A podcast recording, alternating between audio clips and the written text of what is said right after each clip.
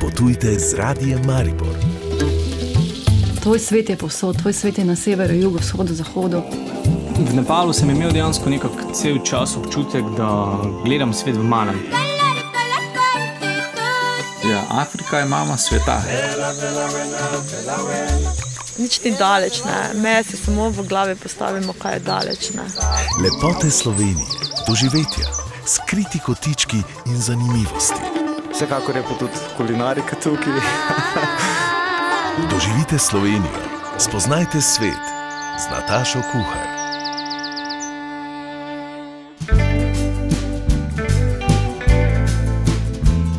Lepo pozdravljeni, v tokratni oddaji se bomo ustavili na turističnih kmetijah.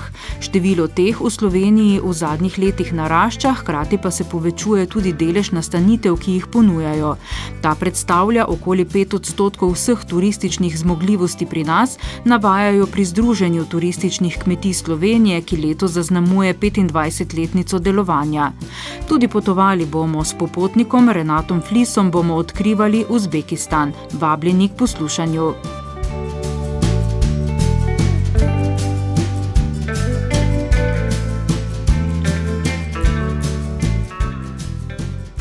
Kot rečeno, Združenje turističnih kmetij Slovenije letos praznuje četrt stoletja delovanja. Obletnico so nedavno praznovali v biotermah pri Mali Nedeli, kjer so med drugim ocenili, da je obisk turističnih kmetij v letih pred epidemijo v povprečju naraščal za okoli 15 odstotkov letno. V času epidemije se je rast sicer umirila, a obisk ni upadel, kar v združenju pripisujejo predvsem turističnim bonom.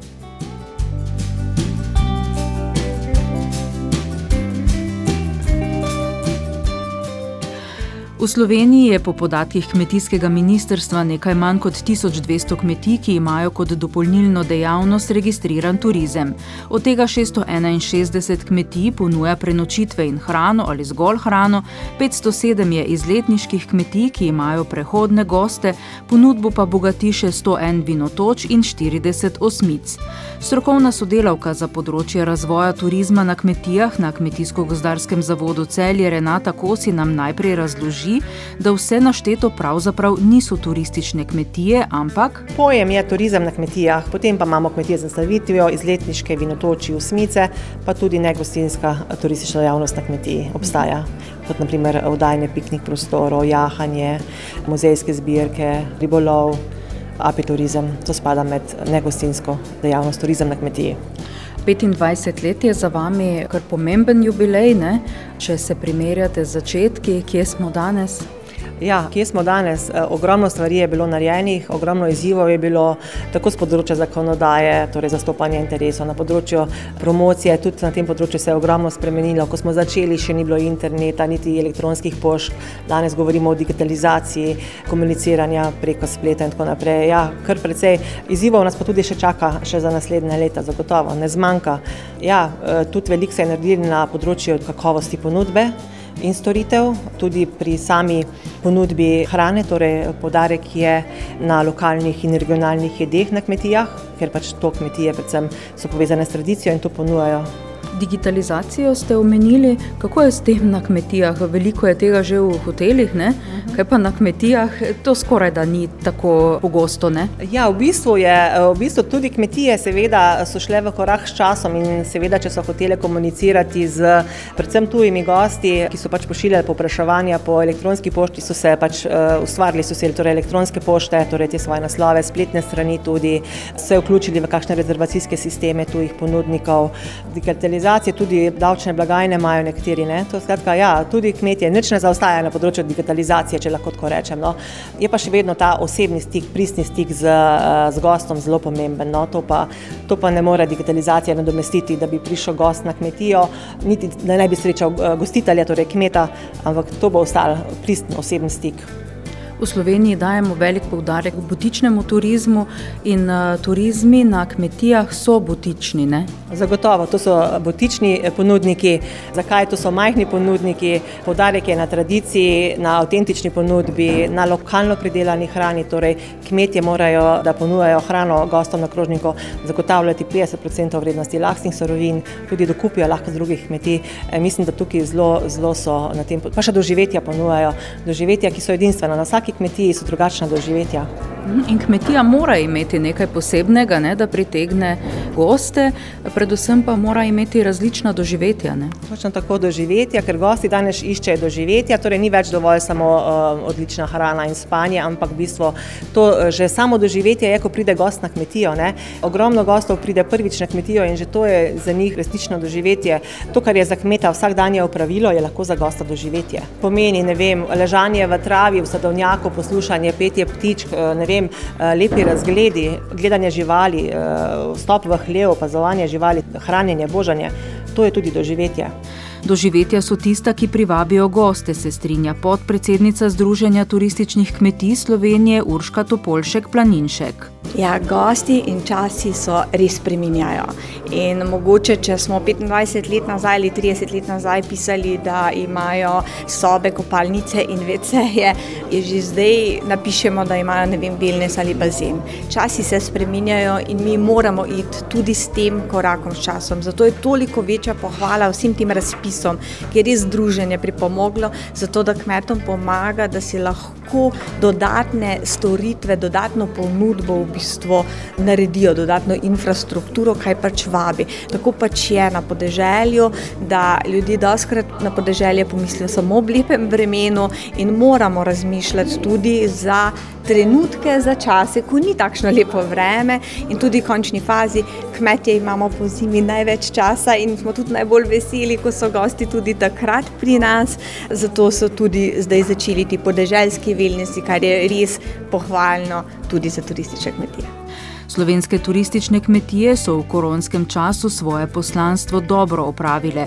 Bile so pravo odkritje, saj so jih spoznali gostje, ki prej na nje sploh niso pomislili, še ocenjuje Urška Topolšek Planinšek. Veliko so k temu prispevali turistični boni, se pa gostje vračajo tudi zdaj, ko bonov ni več. Definitivno smo mi pač mnenja, da vse slabo je za nekaj dobro. Res je, da smo bili 8 mesecev zaprti, ampak po drugi strani so pa kmetje hitro uvideli, da smo lahko srečni, da nimamo samo turizma, ampak da imamo kmetije, da je možno tudi kakšne zabojčke zelenjave in hrane tudi prodati. Potem so prišli pa tudi boni, kar pomeni, da je spet en plus za to, ko so nas poznali gostje, ki mogoče prej nikoli niti pomislili niso, da bi šli na podeželje in zdaj na koncu, ko ni več bonov, se tudi odločajo prihajajo k nam nazaj, kar nas zelo veseli, kar pomeni, da smo svoje poslanstvo dobro opravili. Se pravi, gostje se vračajo, kaj pa tuji gostje? Tudi tuji gosti, moram reči, da je letošnje leto bilo že zelo presenetljivo, veliko vrnitev tujih gostov in za naslednjo leto je ogromno rezervacij, prav naprimer nemških gostov, to se pravi nemško govoreče področje. Mislim, da bo tudi zaradi cene letalskih kart lahko kar veliko računamo na v bistvu države, bom rekla v naši okolici, ki bojo pač se usedli v avto in odpeljali na dopust pa verjetno malo manj potovali z letalom. Kje vas najdejo ti tuji gostje? Tuji gosti nas najdejo na našem od Združenja turističnih kmetij Slovenije portalu, prav tako od STO-ja, Slovenske turistične organizacije. Nekatere kmetije so tudi na Bookingu, na različnih platformah. Zanimivo pa je to, naprimer, da naša kmetija, jaz veliko krat vprašam, kje ste pa zvedli za nas. Gosti nam v bistvu delajo največjo reklamo. V vsaki državi so različni blogi, kjer pišejo, kako v Sloveniji, kam na podeželje in potem o, kdo ko je bil, napiše in to je res največja reklama, ki jo ne moreš kupiti. 25 let je torej za vami, kakšni so izzivi za prihodnost? Ja, izzivov je res ogromno. Mi imamo še zelo veliko odprtih kart na mizi, od dokončanja specializacije turističnih kmetij, od kategorizacije, to se pravi za peto jabolko, do blagovne znamke turistične kmetije. Tako da resnično je kar veliko stvari odprtih in se nam zdi škoda, če smo že tako veliko naredili, da bi zdaj nekako zaspali. Zato si želimo, da gremo naprej in novim izzivom naproti. Novih izzivov in nadgrajevanja ponudbe se lotevajo tudi na turistični kmetiji Dervarič, o tem v nadaljevanju. Lepote Slovenije, okusna doživetja, zanimivi ljudje. Potujte drugače, potujte z radijem Maribor.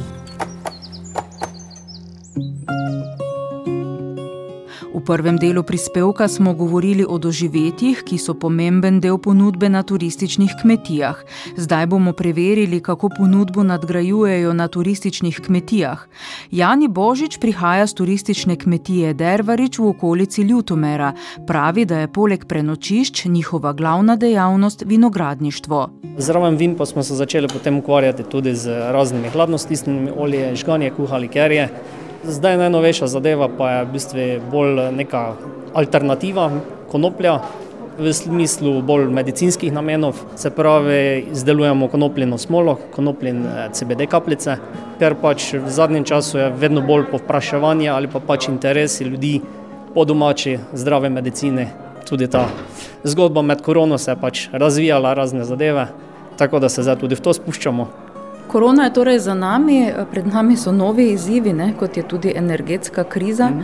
Kje vidite vi prihodnost tega turizma na kmetijah? Ja, dejansko ta zgodba je tako že prej obstajala, to pomeni čim več doma pridelanih zadev, narava, v bistvu mir, počitek, to ljudje vedno več iščejo in v bistvu to je prihodnost. Množični turizem pa to še bo vedno obstajal, ampak vedno več bo individualnega, posameznega turizma, ker si ljudje želijo dejansko mir, vdih, pa domačo hrano. In na to lahko stavite ne, na slovenskih turističnih kmetijah? Ja, drži. Ja. Dejansko tu se zelo dela na tem. Odkot ste imeli goste vse letos, recimo, če pozabimo na prejšnji dve leti? Ja, v resnici povedano smo imeli več ali manj samo slovenskih gostov letos. Pomurska regija je tako zanimiva. Um, bila je med korono, ko so bili pač turistični boni, zelo, zelo obiskana ze strani slovencev. Pokali smo po šivih, bomo rekli. In sedaj dejansko se je tudi v tem letu, po tem, ko so boni šli, se je več ali manj nadaljevalo slovenski gosti. So nekaj malo bili tuji, ampak ne toliko kot na recimo mogoče še v katerih drugih regijah. Ne. Kako zahtevni so gostje? Ja, tako bomo rekli, tuji gosti, ki pridejo, so že zelo dobro zavedni, vejo, kam so prišli, kakšne so možnosti, se pozanimajo sami precej. Dokar domači slovenski gosti pa so včasih, mogoče ker je malo, malce preveč zahtevni. Ja. Mislijo, da so prišli v hotel, pa take zadeve. To je zdaj zlasti bila zgodba med eh, samimi turističnimi boni. Dokar bomo rekli, večji del ljudi pa se zaveda, kam pride, ve, koga in kaj pričakovati. Nadica Tompa iz Stare ceste v Ljutomeru je znana po prleški gibanici. K njim pridejo gostje iz različnih koncev naše države. Recimo primorci, gorenci in je nekako so presenečeni, všeč in se radi vračajo, pravi, da je obdelana vsaka pet zemlje pri nas, da so domačije lepo urejene in tudi hrana je malo posebna. Torej, ker smo kot žitnica, zakladnica, mislim, da tudi pri nas se v bistvu pridela vso meso, goveda, svinjina, perutnina, v bistvu tudi drobnice že kar precej, tako da ni da ni. No. Ste imeli domače ali tudi tuje goste? E, moram reči, da je bilo letos več domačih kot tujih. Prav smo razmišljali, da je verjetno neka želja po morju bolj bila. Zdaj v jesen vidim, pa se bolj vračajo tudi tuji turisti. Kaj opažate, si turisti, obiskovalci želijo malo odmaknjenosti iz letov v naravo?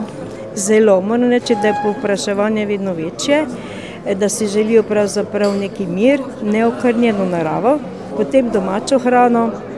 To, kot smo že rekli, da vsako stvar pripraviš srcem, z ljubeznijo, na svojstven naš način.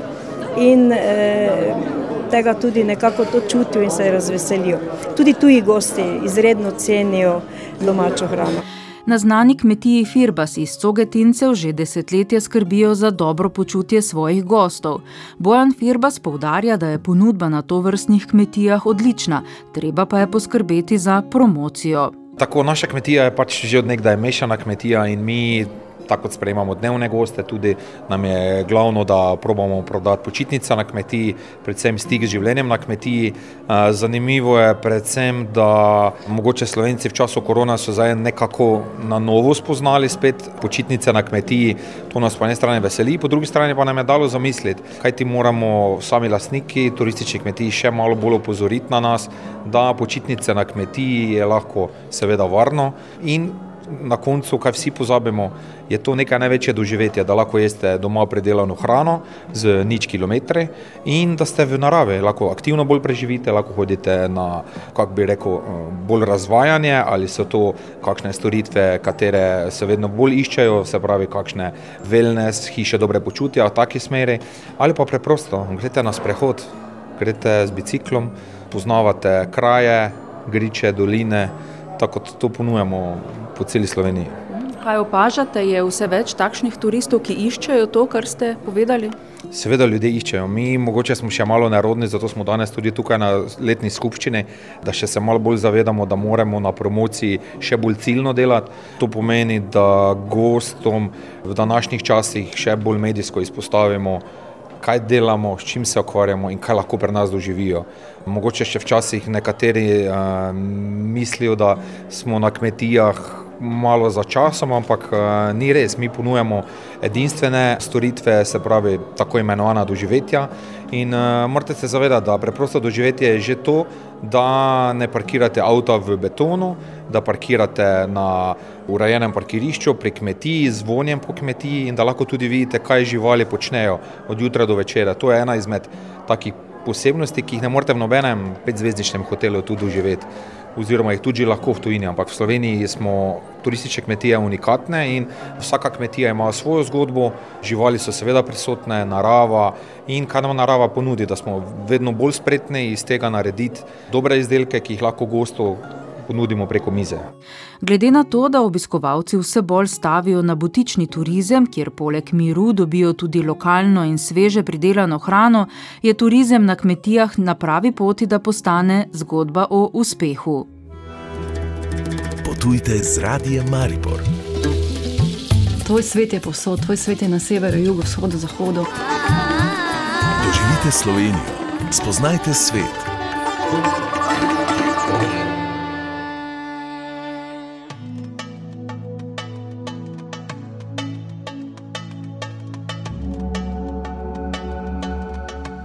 Naš gost, profesor zgodovine in geografije na Srednji šoli za oblikovanje Maribor in član popotniškega društva Vagant Renato Flis, z nami deli svoje izkušnje s potovanja po Uzbekistanu in Tadžikistanu, dveh centralnoazijskih državah. Danes se bomo podrobneje ustavili v Uzbekistanu, ki je arhitekturno in zborno zgodovino bogata država v osrčju Azije.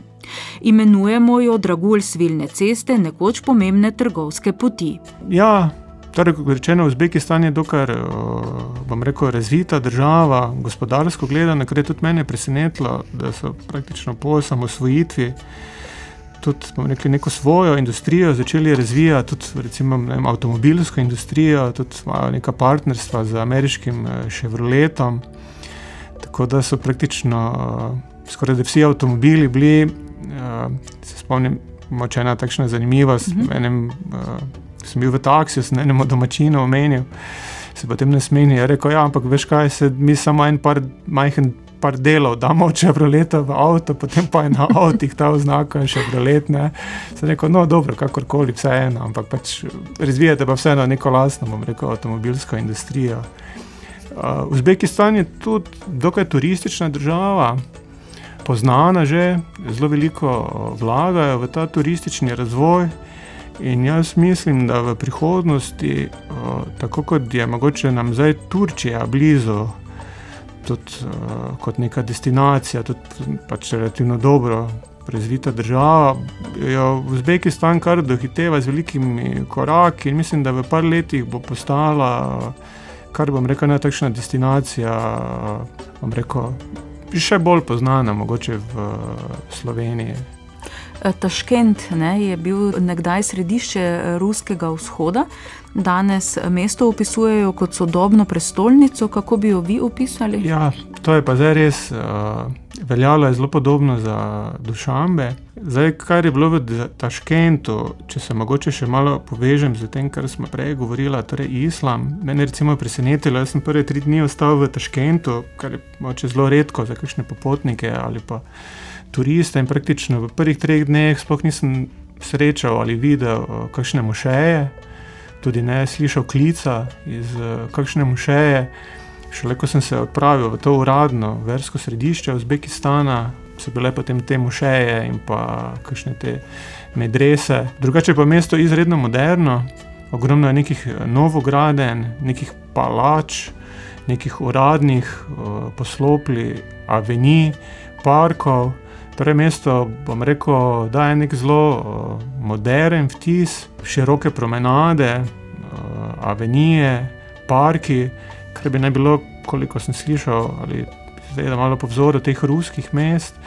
In pa po tej osamosvojitvi, tudi ko se je pač država vzpostavila kot samostojna, ogromno nekih, kot rečeno, novograde, nekih palač, nekih zgradb, hotelov, ogromno bank.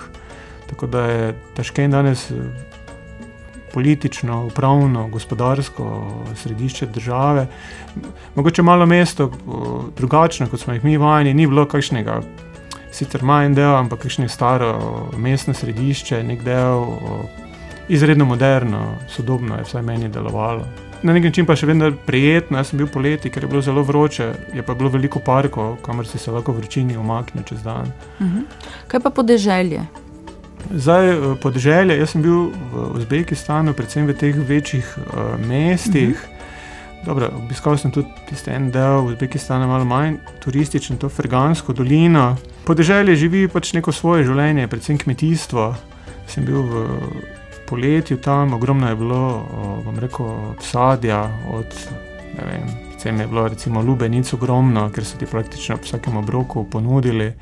Podeželje je verjetno, nisem zdaj toliko, bom rekel, da bi bil res kje na kakšni vasi v samem Uzbekistanu, verjetno še ima svoje težave, verjetno je slabše gospodarsko razvito, tako da nekako mu gre slabše, če tako rečem, kot tem večjim mestom, ker je tudi več turizma, industrije, kapitala, če tako rečemo. No, omenila sva že prej ta znana mesta, Samarkand, Buhara, Hiva. Buhara bi naj bilo najstarejše mesto ne, centralne Azije, za Samarkand pravijo, da je eno najlepših mest ja. in trgovsko nekako središče. Kaj je značilno za ta mesta? Vse nekaj ste že povedali, ta arhitektura, ne, ta, te turkizne. Um, ja, ja. Uh, arhitektura. Jaz sem že pred leti obiskal tudi Iran. Spravi, kar se tiče te sakralne verske uh, arhitekture, je zelo podobna v Iranu. Torej, te mošeje so rekli, zgrajene z enimi, ali pa medrese, te verske šole, ja. z temi ogromnimi portali, ajvani, mislim, da se nekako o, reče. In pa potem te kupole so obdane z to turkizno, modro o, keramiko, o, z to ornamentiko, potem o, obdana ta pročelja in pa notranjost vseh teh nekaterih ogromnih mošej, o, medres, verskih šol. Kar je pa bilo še posebej, potem včasih, predvsem mislim, da v Buhari in pa v Hivi, da so potem nekako minareti včasih ločeni od uh, mošej, spravi kot neka posebna uh, struktura in potem tudi praktično pravi umetnostni biseri na nek način, kajti tudi za njih je značilna potem ta razna ornamentika, vzorci. Glavnem, glede tega res izredno lepo in bom rekel, vse mene uh, ni postilo ravnodušno, če tako rečem. No, del Uzbekistana je tudi rdeča puščava, ne? Med rekama Sirdarja in pa Amudarja, ne? če se ne motim, mogoče nisem prav izgovorila. Ja, res je. Zdaj, velik del Uzbekistana je zelo puščavski. Zdaj, uh, jaz bom rekel, puščavo, tole puščavo sem prečkal, vam rekel, z vlakom na poti iz Buhare v Hivo, nekje šest ur. Praktično, ko smo zapustili eno mesto, praktično cel pot smo se vozili dobesedno v puščavi, ni bilo ničesar, do takrat, ko smo prišli v Oazo, kjer je bilo mesto Hiva. Sem pa potem malo kasneje, mogoče bom rekel, imel več stika z puščavo, ko sem se podal še bolj na zahod, tja proti uh, Aralskemu jezeru in uh, praktično, ja, ogromne ravnine, puščava. Ta puščava, bom rekel, da če se bi spomnil kakšnih iz kakšnih drugih držav, ni vmes kakšnih velikih gorovi ali kakšnih nekih reliefnih znamenitosti, predvsem ena velika ravnina, pesek in praktično več ali manj to. to. Povedali ste mi, da je Uzbekistan nekako nekakšna nadzorovana demokracija, znani so pa po pokršitvah človekovih pravic. Ne? Pred časom smo slišali, da so tam na bombaževa polja prisilno vozili učitelje in učence, da so tam pobirali bombaž. Ne? Ja, res je. Zdaj, praktično Uzbekistan je ena takšna, bom rekel, avtokratska država. Praktično za večino teh srednjeazijskih držav velja, da jih vodijo še vedno, bi jaz temu rekel, te postsovjetske elite, ki so se na takšen ali drugačen način po razpadu Sovjetske zveze obdržale na svojih položajih. Uzbekistan je 26 let vodil predsednik Islam Karimov, ki je bil tudi znan po kršitvah človekovih pravic, tudi prihajal v spore s svojimi občasnimi zavezniki v ZDA, v času, ko je bila recimo vojna v Afganistanu. Je to dovolil, da so prišli ameriški vojaki tja, pa so se potem dogajale te kršitve, neki incidenti, masakri, tudi če tako rečem, nad domačini, ki je potem poslabšalo torej te odnose z ZDA. Potem pa, kot ste tudi sami omenili, kar je tudi, bom rekel, širše, mogoče svetovni javnosti znano, torej Uzbekistan je eden izmed večjih proizvajalcev bombaža, torej surovine, iz katere je izdelanih kar precejšen del teh oblačil in je bil pač poznan, da so praktično ljudi nekako pod prisilo morali obirati v času sezone bombaž.